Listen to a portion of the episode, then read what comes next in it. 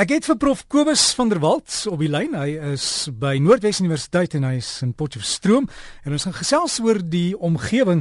En Kobus, ek weet nie of julle ook so groot stofstorm gehad het nie. Die stofstorm die afgelope week, uh, dit was maar 'n afsnyplaag en 'n afsnyplaag hier oor Suid-Afrika het maar die manier om om drastiese uh, goeters met ons met ons uh, weer aan te vang. Uh, Lynsburg destyds was ook die resultaat van so 'n afsnyplaagdrukstelsel. Uh en uh hierdie stofstorme dan met, met 'n spoed beweeg. Weet jy Derek, ek het geluister uh, die 1 uur nuus toe sê die mense die stofstorme daar tussen Kimberley en Warrington en 20 oor 4 toe kom hy oor Potchefstroom. So dis vinniger as wat mense met 'n kar kan ry van daar af. Dis geweldig die natuurkragte wat wat daar is en hoe hoe kwesbaar en weerloos ons eintlik is. Maar nou ja, ek wil vanoggend 'n bietjie goeie nuus meedeel. En dit is 'n aanleiding van 'n brief wat ek ontvang het van professor Jan Kreer van Rustenburg se wêreld.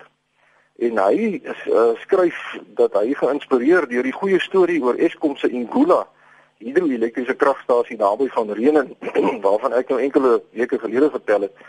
Uh, dat hy besluit het om uh, vir ons te vertel van die werk van, uh, wat Working for Wetlands doen. En hierdie werk is boonop gratis beskikbaar. Hy het so in 1991 'n uh, uh, aandeel in 'n plaasie gekoop hoog in die Magaliesberg naby Rustenburg en daar's 'n vlei land van so 9 hektaar groot waar die sterk stroom ontspring uh, ontspring en dit word dan nou later die Krokodilrivier. Hy sê as gevolg van gereelde veldbrande en swaar reën oor 'n tydperk van meer as 20 jaar het die toestand van die vlei land geleidelik agteruit gegaan en dat uh, nou erg erosie plaasgevind omdat 'n groot kloof in die berg tydens swaar reën aansienlike hoeveelheid water na die vlei land toe voer.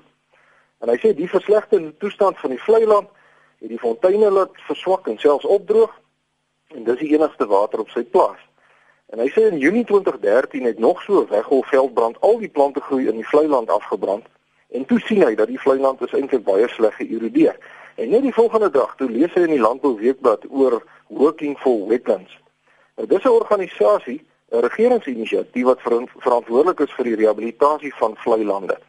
En hy het toe kontak gemaak met die plaaslike distrikskoördineerder en sy het toe kontak gemaak met die provinsiale koördineerder en saam met hulle toe die plaas omtrent 'n maand later besoek. En nog 'n maand later was die provinsiale koördineerder en, en 'n ekoloog toe op die plaas. En die ekoloog se oordeel was dat die vlei land 'n belangrike rol speel in die berg en dat rehabilitasie gedoen moet word. Nou rehabilitasie behels 'n aantal keurwalle ehm um, dat slote nou nie verder wegspoel nie, maar dat die grond daar neergesit word sodat die vlei dan sy spons karakter wat die water opberg en geleidelik deur fonteine vrylaat dan sal herwin. En indien so 'n vlei land nie gerehabiliteer word nie, dan gaan al die grond wegspoel en die fonteine sal ophou om te bestaan en die oorsprong van die sterk stroom sal dan daarmee heen wees. Nou die ekoloog was so beïndruk met die vlei land dat hy en nog twee kollegas omtrent 'n maand later weer terug was op die plaas om opmetings te doen. En daar's toe 10 plekke geïdentifiseer vir die aanbring van die strukture. Nou uiteraard kos dit geld, maar die begroting het deel gevorm van die nasionale begroting wat begin van hierdie jaar deur die parlement goedgekeur is. En 2 maande terug is daartoe met die projek begin. As kies tog die omvang van die koste verbonde aan so 'n projek is natuurlik groot uh, gewoonlik sal 'n grondeienaar dit nou nie kan op sy eie bekostig nie. Maar hierdie werk wat Working for Wetlands doen, is 'n werkskepingsprojek wat uitsluitlik op die koste van die regering geskied. Dit kos die die grondeienaar niks nie. Ehm um, en hy sê die rehabilitasie van die vlei land op sy plaas is maar net een van 'n aantal soortgelyke projekte wat in die Noordwes aan die gang is en hy dink daar's talle vlei lande elders wat ook gerehabiliteer behoort te word. Nou ja, baie dankie professor Jan Kreer van Rustenburg uh vir hierdie waardevolle inligting.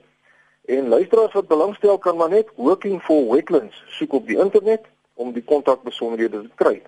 En ek is baie dankbaar om van hierdie pypwerk te hoor want vlei lande is die bronne van ons riviere en as die bronne beskadig word, dan het dit 'n invloed op die res van ons riviere. En dit ek weet, ek dink mense dink baie keer wat is 'n paar slootjies in 'n vlei land nou regtig? Dis mos nou nie iets wat mense snags oor wakker hoef te lê nie. Maar ons vergeet baie keer die ontsettende fyn balans waarin alles in die natuur verkeer. En een so 'n voorbeeld is 'n um, ehm, so 'n videogreep wat uh, deesdae op die internet beskikbaar is van hierdie wonderlike ingewikkelde balans. En meneer Piet Niemann het die videogreep vir my gestuur. Baie dankie meneer Piet Niemann. En dit gaan oor die hervestiging van 'n paar wolwe in die Yellowstone Nasionale Park in Amerika. Nou die konsep wat hier ter sprake is, se naam is trofiese kaskades. En dit beskryf hoe 'n dier aan die bokant van 'n voedselketting 'n invloed kan hê op alle organismes laer af in die ketting. Nou hoe werk so 'n trofiese kaskade? Yellowstone het dit vir ons mooi gewys. In 1925 was daar nie meer 'n enkele wolf oor in Yellowstone nie. Maar 70 jaar later in 1995 het die mense 'n klein groepie wolwe nou terug hervestig in Yellowstone. Ons weet dat wolwe 'n klomp ander soort diere nou doodmaak vir kos, maar terselfdertyd gee die wolwe nuwe lewe aan 'n groot klomp ander spesies. Toe daar nie wolwe was nie, het die bokke so talryk geword dat hulle die weiding begin beskadig deur oorbeweiding. Maar die oomblik toe die wolwe teruggebring is, toe het hulle van die bokke nou begin uitding, maar dis nie al nie. Die bokke het begin om sekere dele van die landskap waar die wolwe hulle nou maklik kan vaskeer, soos byvoorbeeld in valleie of klowe te vermy.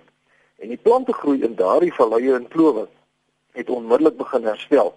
Party van die bome het sesvoudig toegeneem in 6 jaar. Barre valleiwande het vinnig in digte woude verander en hierdie woude het toe 'n uh, baie goeie plek gegee vir die voëls. So die voëls en die bewers het begin terugkeer. Die bewers het toe begin om damme te bou en strome wat op hulle beurt nou weer huisvesting verskaf het aan talle ander organismes soos visse, otters, watervoëls en amfibieë. Die wolwe het verder rooi katte en coyotes doodgemaak. Ek weet nie wat is 'n coyote in, in Afrikaans nie, Derek. Maar dit het veroorsaak dat die aantal hase en klein knaagdiertjies toe toegeneem het. En dit het weer veroorsaak dat die roofvoëls teruggekeer het na Yellowstone toe. Daar was toe ook meer ratels, meer jakkalse, meer kraaie en meer aasvoëls. En die aantal beere het ook toegeneem omdat daar meer bessiebome was en bessies is een van die gunsteling kossoorte van beere. En die groter aantal beere het die invloed van die wolwe versterk deur self ook meer van die bokke te vang wat die herstel van die natuur nou verder aangehelp het. Die wolwe het selfs die gedrag van die riviere verander omdat die herstel van die woude in die valleie wat die riviere voed, die grond gestabiliseer het sodat daar minder erosie was. So die riviere het skoner geword en die aantal rivierkronkels het minder geword want daar's minder grond en en um, en en sand en so wat afgeset is in die riviere.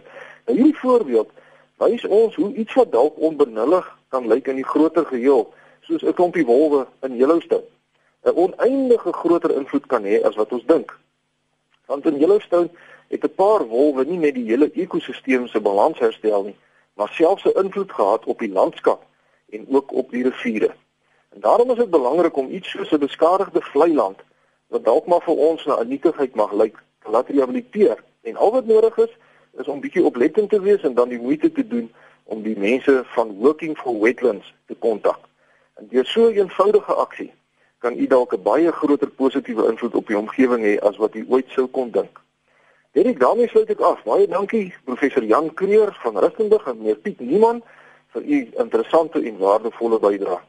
Omgewingsvriende kan gerus vir my skryf. My rekenaaradres is kobus.vanderwalt@nwu.ac.za of u kan my kry by die fakulteit Natuurwetenskappe Noordwes Universiteit Potchefstroom 2520. Vriendelike groete tot 'n volgende keer. Dankie Kobus en vir jou lekker groete daar en ek hoop julle geniet dit daar in Potchefstroom, maar as jy vir Prof Kobus nuus het oor omgewingsake of dalk 'n onderwerp wil aanroer, kan jy vir hom e-pos en dis Kobus met 'n K, Kobus.vanderwalt, die van skryf jy aan mekaar. So dis Kobus.vanderwalt by nwu.ac www.nwu.ac.za. So dis kobus.vanderwalt by nwu.ac.za.